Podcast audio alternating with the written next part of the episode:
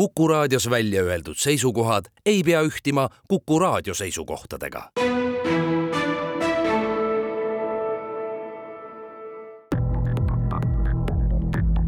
krimiraadio,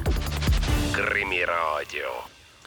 tere taas, on reede ja eetris on värske Krimiraadio. stuudios on ajakirjanikud Karel Reisenbuk ja pisut nohuse häälega Raul Ranne ning jällegi on meil eksperdina abiks politseijuht, endine poliitik ja kirjamees Andres Anvelt, kes nüüd jagab oma kogemusi era, eraäris.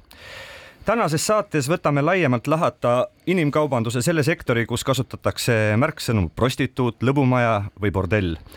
just seepärast on meil külas inimkaubanduse ekspert, Siseakadeemia õppejõud ning endine Põhja prefektuuri kriminaalbüroo juhtivuurija Ardo Ranne. tere tulemast Krimi raadiosse. tere tulemast. Enne kui asume, ja, aga enne kui asume põhiteema juurde, eh, lahendame ühe vana küsimuse, mida mult sageli ikkagi küsitakse. me ju pole sugulased, ehkki meil on sama perekonnanimi. teadaolevalt mitte täna, nagu öeldud, räägime prostitutsioonist, kuidas oli sellega varem ja kuidas on praegu ning otsene ajend ja põhjus selleks äh, on nimelt see, et äh, siin äh, mõned päevad tagasi möödus kakskümmend aastat just nimelt sellest grupist, mis siis loodigi selleks, et prostitutsiooniga võidelda ja millest hiljem kujunes välja grupp, mis võitles organiseeritud kuritegevusega. Ardo Ranne, juba enam kui kolm aastat tagasi te saite öelda, et pealinnas pole enam ühtegi klassikalist äh, nii-öelda pordumaja alles jäänud. kui kindlalt äh, seda täna julgeksite väita? Ei, ma julgen ikkagi siiamaani, ma arvan, enam-vähem sama väita, et ma ei usu, et see olukord on väga palju hullemaks läinud, et ma ei ole küll täna otseselt praktiseeriv politseinik, olen Sisekaitseakadeemia õppejõud nagu, nagu Raul ütles, aga mingisugune ülevaade tahes-tahtmata ju on. Ja, ja mis siin salata, mingid oskused mingeid asju jätkuvalt vaadata on ka olemas või säilinud ja, ja vaatasin ka veel täna hommikul mingi pilguga üle. Tundub, et äh, võib sama väita. meil ju Eestis on kombeks öelda, et loodus tühja kohta ei sälli ja kui on nõudlust, siis on ka pakkumist. kuidas meil siin Eestis siiski õnnet-, õnnestus plats nii-öelda puhtaks lüüa? no oleneb, mille, millest äh, puhtaks löömisest me räägime, et ega siis prostitutsioon iseenesest ei ole ju kadunud mitte kuhugi. Äh, prostitutsioon kui selline, äh, siin salata, nõudlust on, ju siis on ka pakkumist, aga küsimus lihtsalt on selles, et sellest ketist on tänaseks sisuliselt kõrvaldatud nii-öelda kuritegelik käitumine või kuritegelik tegevus. Et igasugused nii-öelda kupeldajad, kaubitsejad ja kaasaaitajad nende, nende nii-öelda osakaal on viidud miinimumini ja, ja see olukord tõenäoliselt äh, meid täna ju riigina ka rahuldab parandage mind, kui ma eksin, aga te olete vist ise ka märkinud kunagi, et teist sellist nii-öelda ikkagi edulugu vähemasti lähiriikides kõrvale panna ei ole, on see nii? jah, ega mis siin salata, tegelikult on ju Eesti äh, nii-öelda seda lugu võibki nimetada edulooks, ennekõike just selles vaates, et äh, me oleme saanud selle kuritegevuse sealt vahelt ära. Äh, kui me räägime ka ainuüksi näiteks äh, prostitutsiooni kaasatud isikute arvukusest, siis ka see on selgelt Eestis täna noh, võrreldes näiteks siis selle kahekümne aasta taguse perioodiga miinus kakskümmend korda, on ju, et edulugu ta on. ma lisaks siia veel ühe sellise mm, mõttelen ka juurde, nimelt eh, Hardo räägib, eks ju, sellest, eh, kuidas politsei võitles, aga ma julgen siia juurde tuua, et eh, tegelikult ka poliitilises mastaabis just eelmisel kümnendil ju hakati sellest rääkima palju julgemalt ja muutus ka seadusandlus väga palju tegelikult ju tuli juurde kõik, mis puudutab, eks ju, inimkaubandusega võitlemist, need paragrahvid, eh, siis eh, kogu see kupeldamise teema muutus eh, sõna otseses mõttes palju paremini, ütleme siis kriminaliseerituks, pluss veel selle asja juurde tuli see, et politsei oli õppinud koos prokuratuuriga paremini kasutama kuriteguühenduse paragrahvi, mis tihtipeale oli aluseks selleks, et tõmmata siis vahele ka need, kes, kes otseselt võib-olla oma käsi mustaks ei teinud ja, ja, ja see oleks olnud põhimõtteliselt minu järgmine teema, mille ma oleks sisse toonud, et ega seda ei saa nüüd öelda, et see oleks punkt üks, esiteks ühe väikese töögrupi nii-öelda puhas teene või et me saaks öelda, et see oleks ka ainult politsei teene, et noh, räägime tegelikult ju sellest, et et see töögrupp iseenesest alguses koosnes ju kolmest-neljast inimesest Äh, lisaks sellele kaasati ju tegelikult äh, kõikvõimalikke erinevaid osapooli, seal osalesid äh, Keskkriminaalpolitsei, seal osalesid poliitikakujundajad noh, ütleme vähemalt kolmest ministeeriumist ehk Sotsiaalministeerium, Siseministeerium, Justiitsministeerium, seal olid erinevad mittetulundusühingud ja, ja kõikide osapoolte ühine töö, et ega siin seda nii-öelda sellist nii-öelda personaalset edulugu kellelegi äh, ei saa murrang toimus ühiskonna mõtlemisest. just, absoluutselt, ja see oligi tegelikult ju algne eesmärk, et äh, tekitada murrang ühiskonna äh, mõttelaadis, tekitada muuhulgas ka politseis endas täiesti selge murrang, me kasutasime täiesti teisi töövõtteid, täiesti teisi lähenemisi ja, ja üritasime ikkagi jõuda selleni, et äh, nii-öelda inimesi säästvalt jõuda võimalikult efektiivselt äh, parima tulemuseni, et äh, tundub, et õnnestus. ja sellest, eh, mis toimus enne seda murrangut ja kuidas on asjad olnud pärast murrangut, räägime pisut hiljem saates, aga ma ühe nüanssi täpsustaksin üle, et kui, kui te ajakirjandusele siin kolm, kolm aastat tagasi rääkisite, et enam tõenäoliselt Tallinnast ei leia niisugust klassikalist pordumaja, nagu need olid varem, siis te siiski möönsite, et mõned nii-öelda korterid eh, on jäänud, aga seal on, kui te nüüd lubate tsiteerida, kõrgem organiseerituse tase taga. Eh, mida see tähendab? see kõrgem organiseerituse tase nende korterite puhul tähendab seda, et ikkagi äh, me räägime siis noh, a la kahest-kolmest ühte ketti kuuluvast korterist, kus siis keegi äh, nii-öelda mitte ise, ise mitte prostitutsiooniga tegelev isik teiste tegevust korraldab.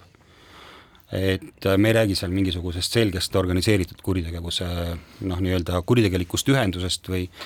või, või isegi mitte ka sageli äh, organiseeritud kuritegelikust grupist.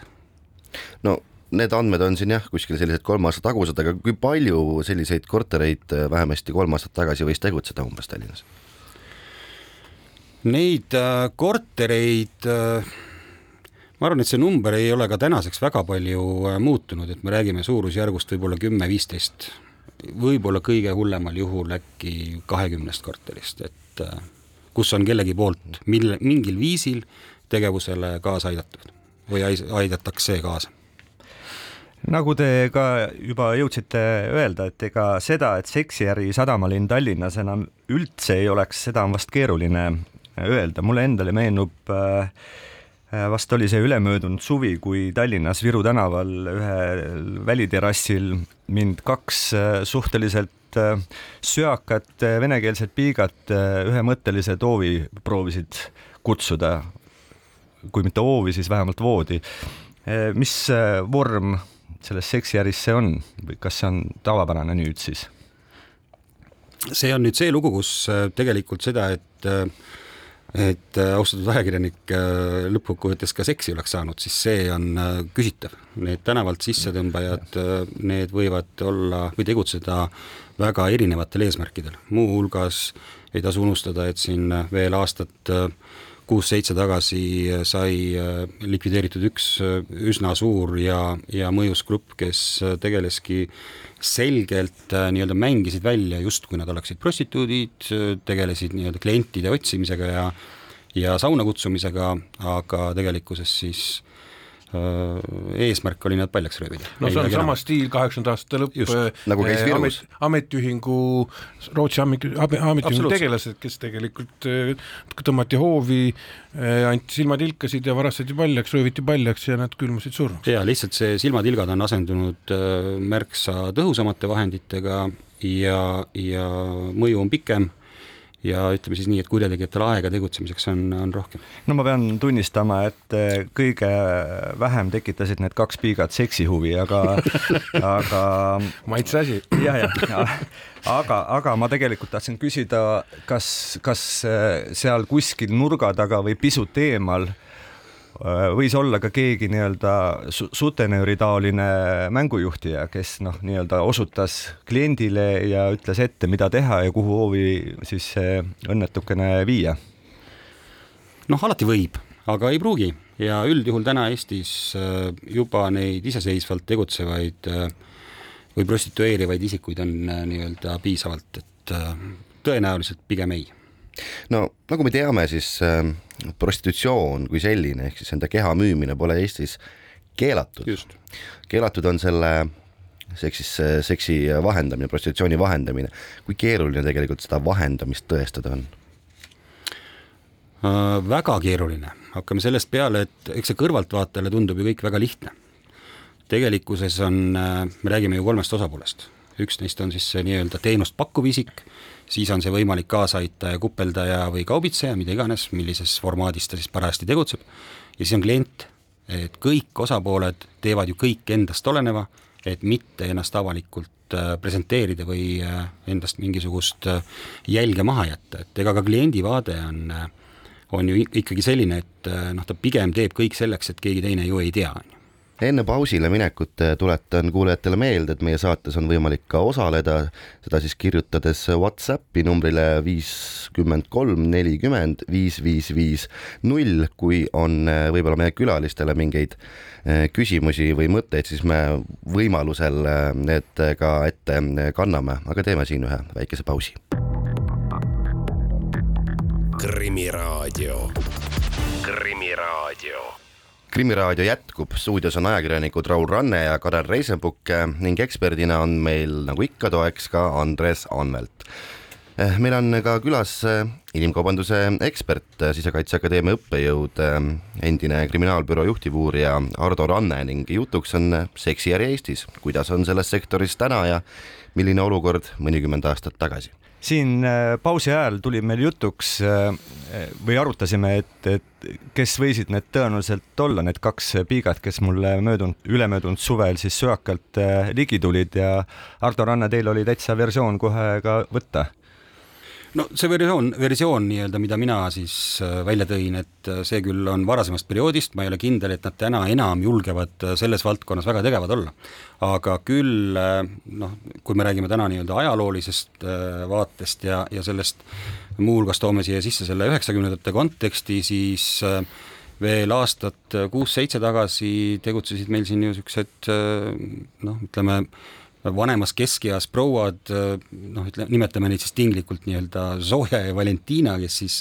äh, täpselt sellele orienteeritud olidki, et otsisid tänava pealt äh, neid potentsiaalseid ohvreid äh,, tilgutasid nii-öelda nende jookidesse mingisuguseid aineid, mis siis parajasti äh, noh, ütleme piltlikult öeldes panid selle kliendi äh, sobival ajahetkel äh, üsna passiivsesse seisu klient vaesekene lõug rinnal istus nii kaua, kuni tema pangakaardid ja kõik muu kaasnev tühjaks tehti ja hommikul, hommikul siis selle, et raha puudu on, avastas ju alles a la hotelli eest makstes või mida iganes. kusjuures seda ma kogu see aeg kahtlustasin, kui nad seal ümber minu sebisid, et, et tõenäoliselt rohkem kui kuhugi noh, ma ei tea siis prostitutsiooniga tegeleda, nad ikkagi üritasid midagi varastada, vähemalt noh, niisugune hirm või tunnetus mul oli see grupp oli üsna suur ja, ja lõppkokkuvõttes olid nad kõik kohtu all äh, täitsa, istusid ka need prouad kinni, aga tegemist on prouadega, kelle puhul äh, nagu me siin Andresega rääkisime vahepeal, noh, nende taust on ikkagi täiesti üheksakümnendate algusest professionaalsed taskuvargad ja nii edasi, et ei ole tegemist lihtsate killaste inimestega. Aga põhiteema juurde mm, tagasi minnes ähm,, Hardo Ranne, kas teile meenub see hetk, kui teil oli selge tööülesanne ees, et, et nüüd on asi käest ära, et äh, see kõikide suuremate lõbumajade tegevus tuleb äh, ära lõpetada? Äh, mulle meenub see selles mõttes hästi, et ma tean, kellel see mõte tuli. minul see kindlasti ei tulnud. mina tegelesin sellel hetkel hoopis teises valdkonnas, küll politseis, aga, aga teises valdkonnas ja see mõte tuli tegelikult hilisemal, hilisemal siis meie peadirektor Elmar Vaheril, kes toona oli minu talituse juht ja kes siis ühel hetkel selle ettepaneku tegi ja selle mõtte nii-öelda õhku viskas. et äh, tuleks see olemasolev olukord äh, kuidagi pöörata äh, lõpuks siis nii-öelda kaasaegse tsivilisatsiooni võtmesse ja, ja sealt see alguse sai. aga kas seal oli mingisugune kriitiline hetk, mingisugune väga dramaatiline sündmus, noh, mis pani kogu seda olukorda ja kogu seda nii-öelda sektorit kriitiliselt vaatama ja sellega konkreetselt sihipäraselt tegelema? ma arvan, et äh, neid kriitilisi hetki oli terve see üheksakümnendate periood täis, et äh, vaevalt seal noh, alates, alates nendest äh, samadest ametiühingu tegelastest Rootsist on ju, kes seal ühel hetkel äh, surma said meil nii-öelda läbi kurjategijate käe rääkimata sellest, et Eestil oli selgelt noh, ütleme siis sellise Põhjamaade Bangkoki maine, on ju, meil erinevatel hinnangutel tegutses suurusjärgus kümme kuni kaksteist, mingitel, mingitest uuringutest tulenevalt ka kuni neliteist tuhat prostitutsiooni kaasatud inimest, sealhulgas näiteks tegutses ju Tallinna linnas muuhulgas ka kolm nii-öelda meesbordelli, on ju, või meestebordelli, on ju, et väga kirju seltskond ja väga noh, pigem ütleme siis selgelt ärisektorit meenutav nii-öelda sektor või segment, no ma tahan lisada Hardole siin, et tegelikult ega see midagi ei olnud seal spontaanselt, see oli areng see oli Just. ka ühiskonna areng ja politsei areng. ehk saadi aru, esiteks me liikusime Euroopa Liidu poole hästi pikkade sammudega. meie maine oli kehv, eh, Põhjamaades see maine läks igale poole mööda Euroopat laiali. Ja, ja see kõik hakkas ühel ajal, kui me olime tegelikult selgeks saanud, milline see organiseeritud kuritegevus üldse Eestis on, millel ta põhineb. Äh, juba needsamad reidid, millest äh, siin Ardo ka rääkis, eks ju, kuidas neid vahele võtta, jah, see oli keeruline, noh, me tegime üle Eesti näiteks niisuguseid reide, kus olidki need varipolitseinikud, kes läksid teenust tellima, eks ju, mikrofonid kaelas. Ja siis, kui oli teenus tellitud, oli vahend ära tõendada läbi selle, pärast läksid ju pätid ka, ka vabamaks, eks ju, selles mõttes, et ju needsamad tüdrukud ise ennast pakkusid, mitte enam vahendajad. samal ajal paralleelselt ju Eesti nagu see, nagu öeldakse, siis narkojälg, et Eesti oli kõige suurem amfetamiinitootja näiteks, kas sellega tegeleti, loodi spetsiaalsed grupid, suunad, nii et ma arvan, et see andis nagu selle tõuke selleks, et tekkis ka see grupp. teistes Eesti kohtades ka muud prefektuurid hakkasid täpselt ka seal tegelema need inimesed, Keskkrimm ka tegeles ütleme paralleelselt siis mitte suuremate grupeeringutega, kes, kelle üheks tegevusharuks oli näiteks ka prostitutsioonile katuse pakkumine. aga noh, jälg sellele kõigele, et, et ma ütlen üle ega ümber, üheksakümnendatest ei saa, sellepärast et Eesti organiseeritud kuritegevus üheksakümnendate või kaheksakümnendate lõpus ja selle iseloom, iseloomulikkus oli väga suuresti äh, üles ehitatud Viru hotellile ja, ja sellele, et Viru hotell oli nii organiseeritud kuritegevusele kui ka julgeolekuteenistusele ideaalne info ja, ja rahaallikas, aga noh, see on juba täitsa omaette teema. No nagu ka mainitud, tegelikult sai siis siin äh, kahe tuhandendate alguses äh, tegutses Tallinnas, ma ei tea, üle neljakümne bordelli ja nagu te ütlesite, vist üle kümne tuhande prostituudi seal ähm, töötas, no see on, kõlab uskumatu number, see on ühe väikese linna jagu põhimõtteliselt naisi. Ma toon lihtsa näite, et äh, noh, asi, mida siin noh, tõenäoliselt Andres mäletab äh, hästi ja mäletavad äh, tõenäoliselt kõik vanakooli taksojuhid. Et, et aastal ütleme siis seesama kaks tuhat kolm näiteks oli selliseid nii-öelda klassikalisi bordelle või maju, kus nii-öelda price listis või noh, hinnakirjas oli siis kakssada, kakssada viiskümmend siis prouat ja, ja nendest ühel õhtul tööl suurusjärgus viiskümmend. et äh, see tundub tänases mõttes nagu täiesti erakordne ja, ja justkui võimatu. Me räägime näiteks ühest äh, äh korterbordellist, kus siis nii-öelda laiali veeti ehk äh, taksojuhtide keeles hulgibaas, siis selles vist kõige suuremas, kui ma ei eksi, mälu järgi a la nelikümmend viis, viiskümmend inimest nii-öelda töötajaskonnas. et täna, noh, täna me räägime siin võib-olla nendest korteritest, kus on, on siis tööl kaks isikut äh, samaaegselt, äärmisel juhul kolm, on ju, et noh, täiesti erinevad maailmad no tänapäeval võiks öelda selle kohta, et tegemist oli suurfirmadega. jaa, absoluutselt, jah. ja ega ta tegelikult, noh, mis siin salata, meie jaoks oli ju sama, et me võtsime lähtepunktiks selle, et tegemist on sisuliselt ju äritegevusega et äh, lihtsalt küsimus on selles, et äh, see äri iseenesest on äh, keelatud ja, ja erinevad tegevused selles on kriminaliseeritud. Aga iseenesest on tegemist ju täiesti selgelt äriga. no kui ajalugu meenutada, et siis seda maailma vanimat ametit nagu bordelliäri ja seksiäri ju kutsutakse, et on Eestis ja eriti sadamlinn Tallinnas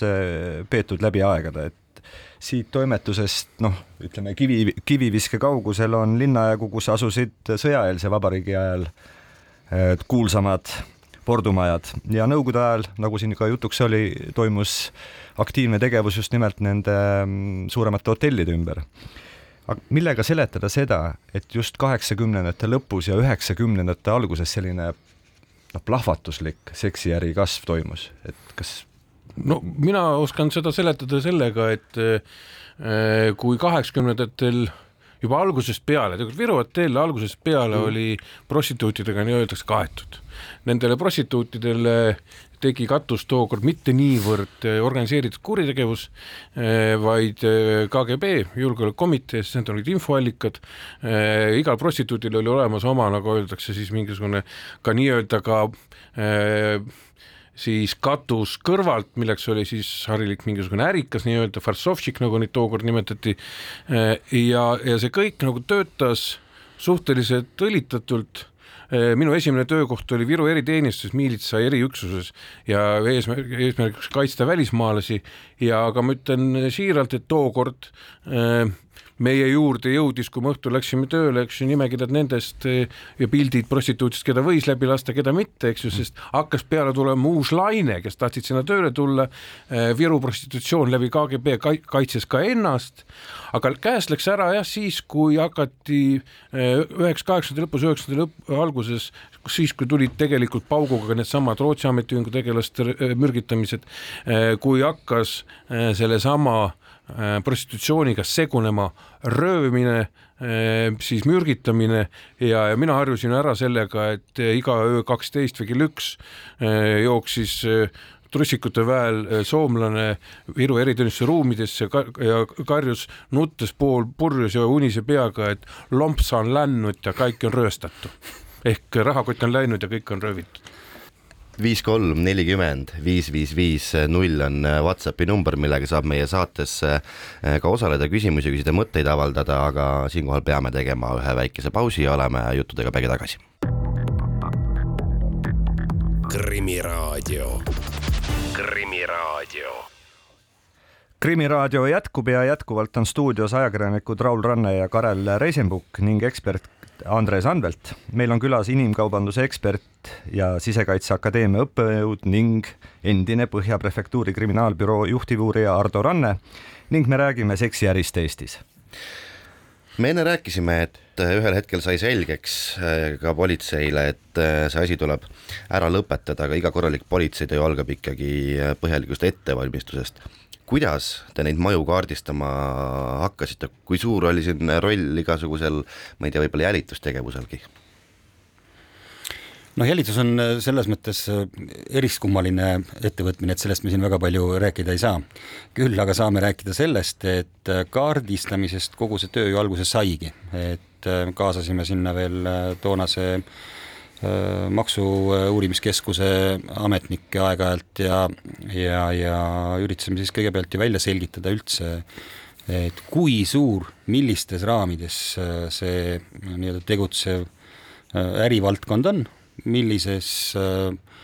nii-öelda raamis on seal kuritegevust ja noh, piltlikult öeldes selgitasime välja kõikvõimalikud aadressid selgitasime välja selle, kus on need nii-öelda siis majad, kus on korterid, kus on või noh, kes on kas või need isikud, kes siis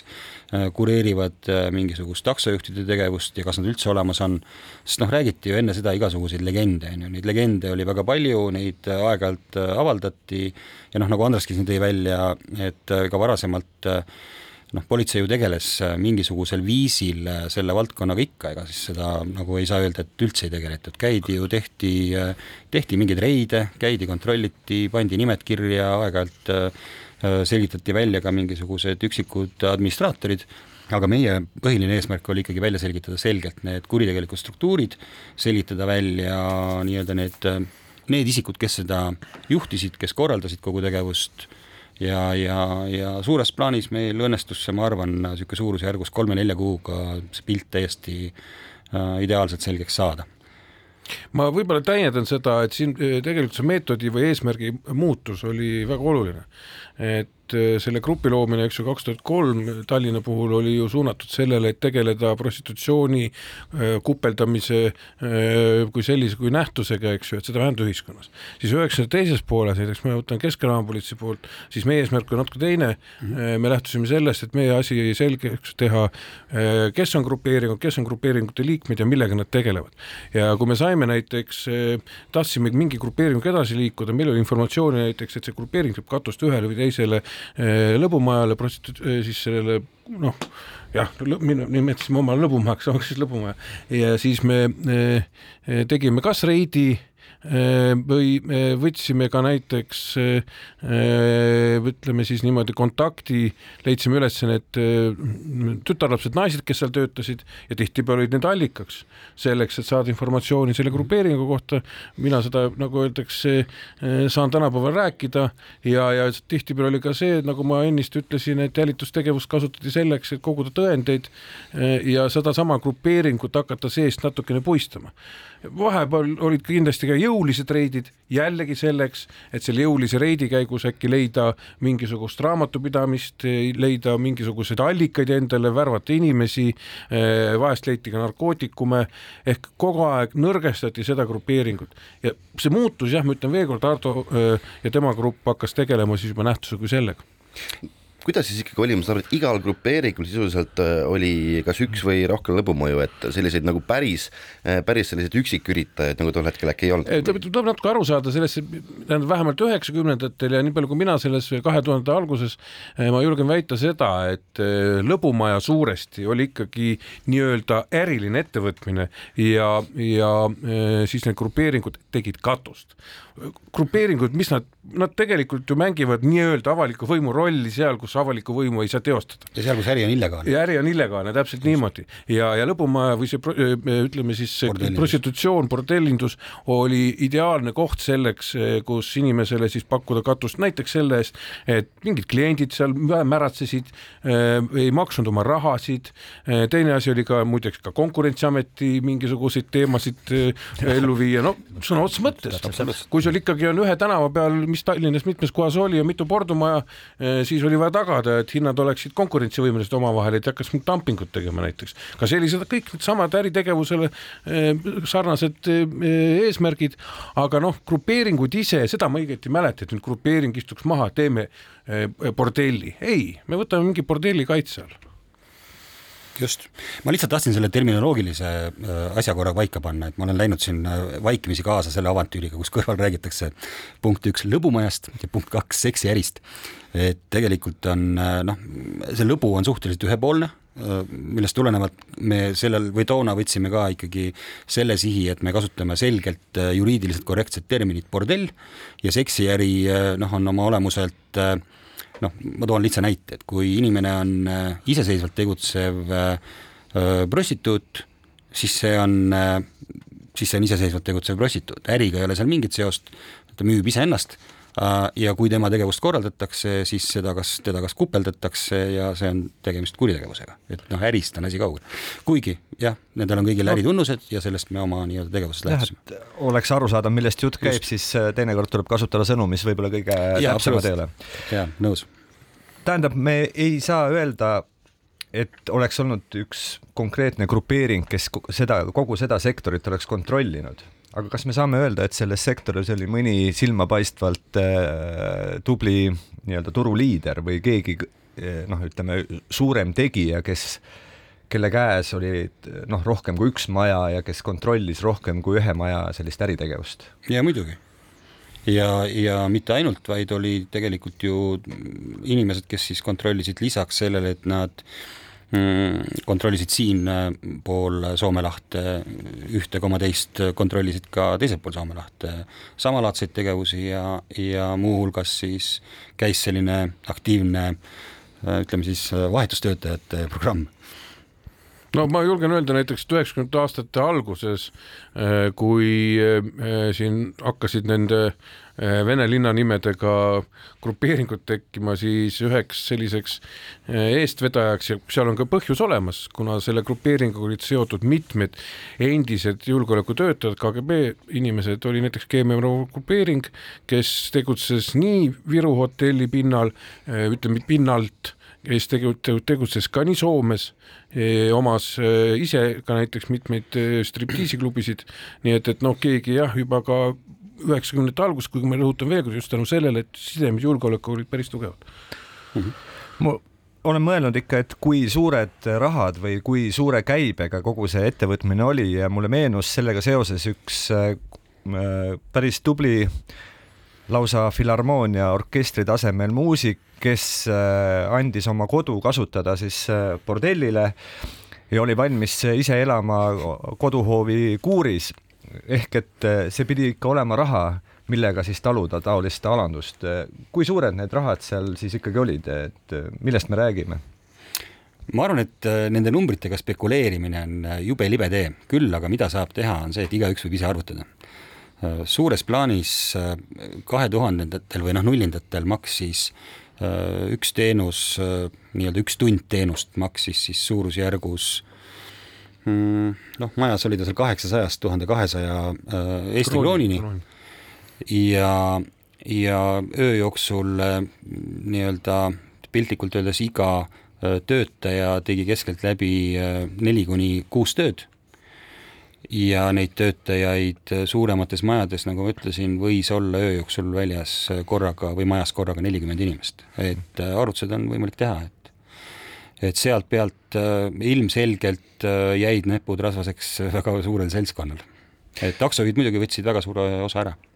täpselt, ma oleksingi just äh, tahtnud taksijuhtide juurde jõuda, et ilma taksijuhtideta seda äri ka vist äh, võib-olla poleks põhimõtteliselt äh, olnud, et küll otsisid, otsisid nad kliente, küll levitasid nad, eks ole, flaiereid seal äh, autos, mis see taksojuhi teenistus võis sihuke protsent, protsentuaalselt kasvõi olla? see on aasta-aastalt äh, väga palju muutunud ja vot see on nüüd see osa, mida äh, kui ma tulen nüüd tagasi Andrese jutu juurde, kuidas need vene linnanimedega nii-öelda kuritegelikud ühendused seal Äh, seda tegevust katustasid ja, ja kes äh, nii-öelda täitis Konkurentsiameti rolli, siis nad muuhulgas äh,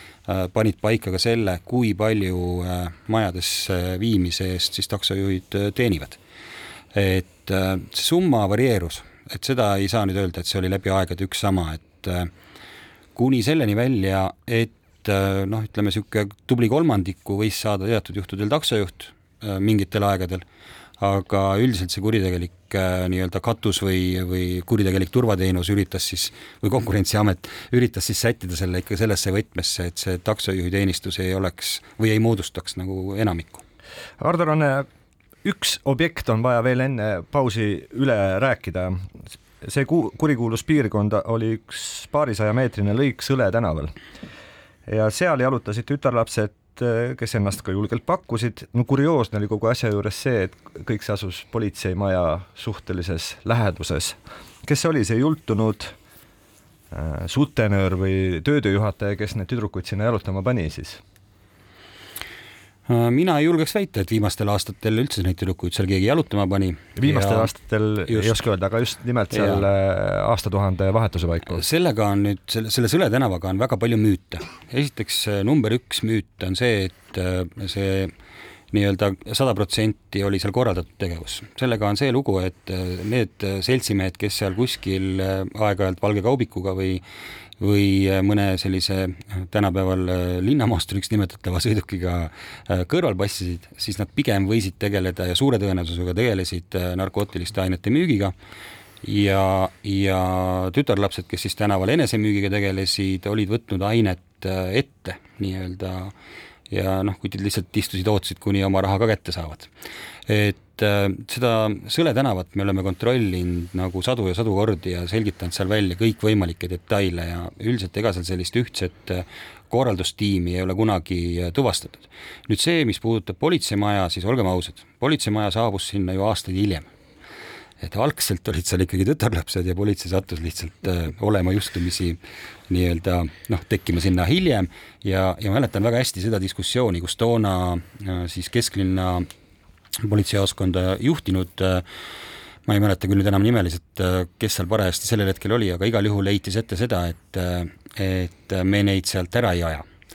ära ajada on alati väga lihtne, küsimus on sellest, selles, et kuhu me nad ajame, ajame nad siis Kopli poolsaare lõppu, hommikul lähme lükkame kühvliga kokku, tõenäoliselt me ju seda ei taha, on ju. et ja, ja iseenesest tütarlapsed ütlesid väga viisakalt, et nad tunnevad ennast siin turvaliselt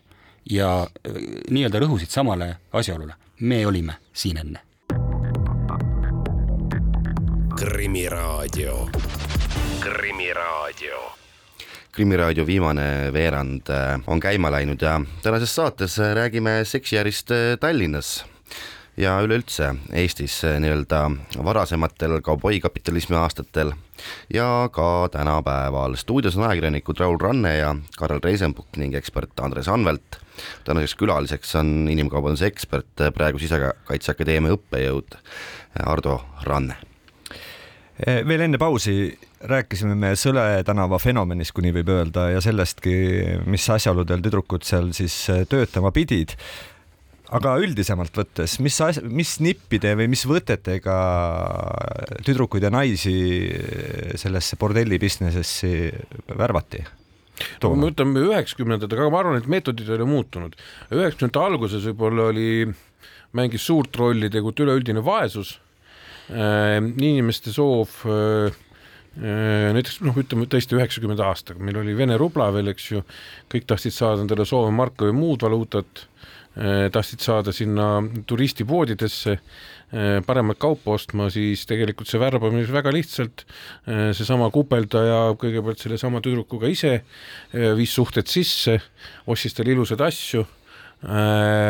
siis oli narkootikumidega vähem tegemist. Äh, aga need asjad olid need, mis viisid ta sellele teele, et tüdruk lõpuks pidi hakkama neid asju tagasi teenima. Ja, ja siis ta sattus ka siis juba nii-öeldakse klientide juurde voodisse ja see muutus nagu elustiiliks. Et see oli nagu tol ajal, hilisemas ajas muidugi tulid mängu narkootikumid ja ma arvan, et, et need mängisid olulist rolli ka sellel ajal, kui Ardo Tallinnas äh, nende majadega võitles mõned aastad tagasi, Ardo, te ütlesite mulle ühes intervjuus, et Eesti prostituudi keskmine vanus tänapäeval on selline kuskil kolmkümmend üheksa aastat, aga tol ajal äh, mindi ikkagi verinoorelt prostituudiks, ma ei tea, Andres ja Ardo, kas te mäletate, millised on kõige nooremad tüdrukud, kellega te olete neis asjades pidanud kokku puutuma? minu jaoks on kõige noorem, keda mina olen näinud, on kolmteist, see oli Ida-Virumaal reidi käigus üheksakümnendate aastate, ma ei tea, üheksakümmend kolm või üheksakümmend neli, kui me prostitutsiooniga otseselt ei tegelenud, aga ajasime taga mingisugust järjekordset mereröövlit, nagu me nimetasime Ida-Virumaalt ja, ja siis tema äh, nagu öeldakse, baari tagaruumides, kus käis ka vilgas seksitegevus, leidsime ka sellise tütarlapse, kes oli muideks ka siis juba kuskilt Venemaa avarustest pärit. Ja sama siin täpselt, et äh, kolmteist, äh, kuigi äh, sellesama menetluse raames, kus me rääkisime sellest kolmeteistaastasest väidetavalt või noh, väideti siis toona, et oli ka mingisugune üheteistaastane kusagil olemas, aga meil teda nii-öelda välja selgitada ei õnnestunud. selles valdkonnas toona ka täiesti need alaealised kasutasid ikkagi juba mingeid varjunimesid ja ja seal kõiki neid välja selgitada alati ei õnnestunud. värbamine käib äh, siiamaani, ega ta ikkagi väga sageli käib äh, isiklike suhete pinnalt kõigepealt, kõigepealt värvatakse tüdruk ära ja lubatakse ilusaid asju äh, nii-öelda kõigepealt isiklike suhete pinnalt, väga levinud on tänagi äh, alaealiste puhul või noh, vähemalt siin aasta-poolteist tagasi oli see, et alaealiste puhul siis äh, Äh, noh, nii-öelda äh, varasemad poissõbrad kallutasid neid äh, ühel hetkel ennast müüma ja sealt edasi korraldasid nende tegevust mingil, mingisugusel viisil. see kolmeteistaastase näide ma toon siia lihtsalt, et nii-öelda kuulaja mõistaks, kuidas see valdkond võib ühiskonnale mõju avaldada, et see oli üks kurikuulus korterbordell Paldiski maanteel millest on, on kunagi ka põgusalt räägitud ajakirjanduses äh, ja kus äh, tegutses siis kümme pluss äh, mm, toona alaealist tütarlast, nende tegevust korraldas värskelt täisealise ikka jõudnud tütarlaps koos ühe vanemaealise bandiidiga. Ja, ja täna ei ole nendest elavate hulgas peale selle vanemaealise bandiidi mitte kedagi. ehk siis nad on kõik tänaseks läinud no neid lugusid oli ikkagi väga jubedaid, e, noh, eeskätt nende noorte tüdrukutega, ma olen kuulnud üht väga võigast lugu, kuidas veel erilise tasu eest pakuti klientidele siin, ma ei tea, rasedaid alaealiseid, kes siis kuskil Kopli tänava kandis kuskil korteris kinni hoiti, ma ei tea, mäletate te seda lugu? no neid on olnud mitmeid. et eks ma ikka mäletan, jah naiivselt võiks ju tegelikult mõelda, et miks siis ikkagi sellest asjast välja ei astuta ja, ja ja seda asja ära ei lõpetata, kui raske sellest mängust välja astuda no ma toon, toon ühe näite lihtsalt selles samas, mis on raske välja astuda. Äh, personaalselt mäletan ühte äh, kriminaalasja, äh, mis hakkas tegelikult siis varasemalt jälitustegevuse üheksakümmend, ma arvan, kuus-seitse, kus üks tütarlaps, üks Eesti tütarlaps täitsa korralikust perest, kes siis oli sattunud ikkagi just selle tõttu, et ta tahtis saada nii-öelda ilusaid asju sattus siis, see ei olnud päris maja, aga ta oli siis nagu öeldakse, teenindaja, kes viidi kohale. Ja, ja kuidas ta ei saanud välja tulla, ta tahtis aga tema puhul mängis rolli see, et ta kartis, seepärast et tegelikult ta iga kord, kui ta nagu toru ei võtnud või ei läinud tööle, siis tal pandi trahvid peale. Eh, need trahvid kasvasid nii palju, et kui ta neid trahve ära ei maksnud, eh, siis ähvardati teda, peksti, aga ei pekstud väga palju, peksti täpselt niimoodi, et ta saaks jälle tööd teha. täitsa eh, silma siniseks ei löödud, aga, aga ähvardati läbi tema karistada tema perekonda ja kõike muud. ehk kokkuvõttes ta oli nagu sellises jällegi, nagu me rääkisime, nagu nagu eh, mingil määral sarnane nagu meil selle, ma ei tea, SMS-laenuga, et see kasvas ja kasvas ja mm -hmm. kasvas ja väljatulekuks ei olnud mingit võimalust, ta oma arust pääses kogu aeg ligemale sellele väljatulekule, aga siis pandi jälle mingi asi pähe. ja seesama trahvidega või nii-öelda siis nende kunstlike trahvide tekitamisega äh, põhimõtteliselt äh, täna me nimetame seda selgelt inimkaubanduseks. ja see ongi jah, muidugi selge. seal ei ole enam ja, kupeldamisega ega prostitutsiooniga nii-öelda mingit seost, et äh, selgelt inimkaubandus. jah, see oli kaks tuhat viisteist oli alles inimkaubanduse paragrahv. kaks tuhat neliteist. või kaks tuhat neliteist, jah. aga, aga tulles nüüd selle juurde, korraks ma tulen vahepõikena tagasi siia selle a la, et kes ostis seal või soovis osta äh, rasedat alaealist ja nii edasi, et äh, eks see on nüüd see koht, kus tegelikult ju äh, me ühel hetkel hakkasime ikkagi selgelt vaatama ka nii-öelda kliendi poole ja seda kliendivaadet. Ja, ja noh, tänaseks on sisuliselt ju ikkagi kümme aastat meil karistatav ka seksiost alaealiselt, et mis jälle noh, tegelikult seda turgu ehk pisut on korrastanud või vähemalt aidanud sellele kaasa, on ju. see oli üks, ma ütleks, esimene eelnõu, ma ei taha siin jätta seda kiiresti mainimata, kuna see oli sinu oma, jah? ma tulin eelnõuga Just. välja, ma olin sügavas opositsioonis,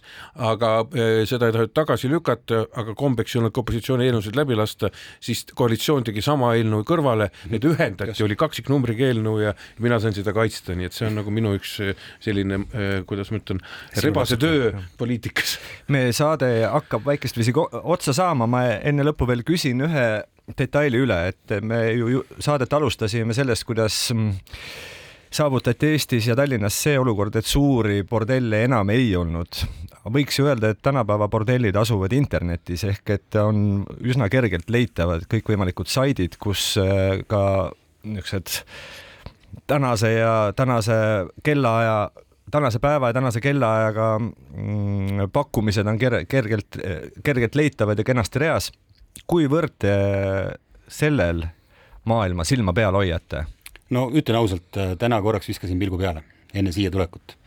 ja võin, võin selles osas tegelikult oma praktikast tuua noh, ütleme siis kliendi vaates sellise kurva uudise, et kui me võtame lahti ühe sellise keskmise veebilehe, siis nende kuulutuste piirang jookseb minu meelest endiselt äh, saja viiekümne kuulutuse peal ja, ja sellest saja viiekümnest kuulutusest suure tõenäosusega on äh, noh, ütleme, me räägime unikaalsetest äh, kohtadest või isikutest, kes siis teenust pakuvad, siis võib-olla mingist kahekümne viiest, kolmekümnest, et et ühel teenuseosutajal võib olla väga palju numbreid jätkuvalt. Ja, ja või noh, äärmisel juhul võib-olla räägime seal siis saja viiekümne puhul viiekümnest teenuseosutajast, et äh, et seda ei saa nimetada selgelt äh, nii-öelda bordelliks, et see on ju tegelikult lihtsalt inimesed reklaamivad oma seda tegevust aga siin tuleb üks asi, mis on oluline, ma arvan seda, et mis on ka ühiskonnas muutunud, et nüüd kuulajatel oleks ka selge arusaam, on sellest, et isegi näiteks sellise teoreetiliselt, mitte teoreetiliselt, praktiliselt, sellise telefoni võimaldamine kellelgi kõrvalt, eks ju, seda teenust pakkuda eh,, pakkuda näiteks seda, et, et panna isegi kuulutuslehte, rääkimata sellest, et sa eh, annad oma mingisuguse ühe toa kuskilt, see on kõik. Kupeldamine, kriminaalkuritegu, nii et sellega tuleb väga selgelt arvestada, kui hakkad otsima oma kohta, nagu öeldakse, äritegevuses.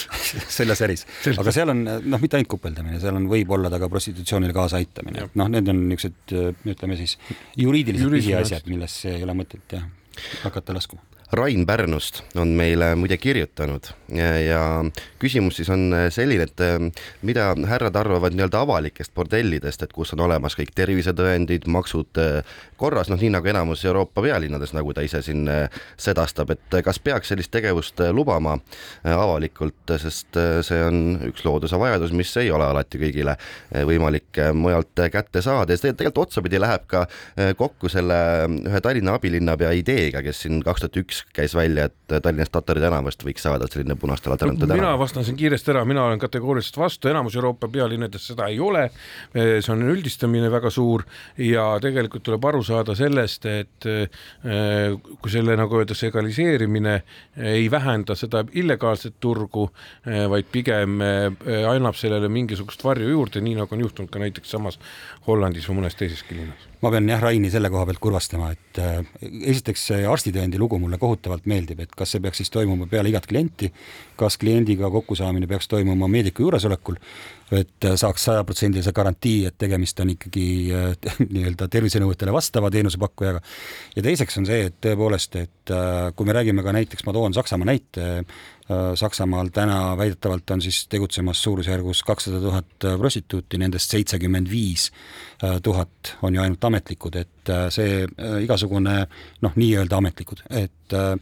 kui keegi arvab, et nendes asutustes makstakse sajaprotsendiliselt ausalt makse, ei kindlasti mitte, ei hakata maksma ei täna ega tulevikus, et äh, ei, ei lähe läbi. igal juhul vastu. jah, küsida võib veel palju, aga tege-, paraku on täna tänane saade läbi. täname kuulamast ja täname ka saatekülalist, Siseakadeemia õppejõudu ning endist Põhja Prefektuuri kriminaalbüroo juhtivuurivat uurijat Ardo Rannet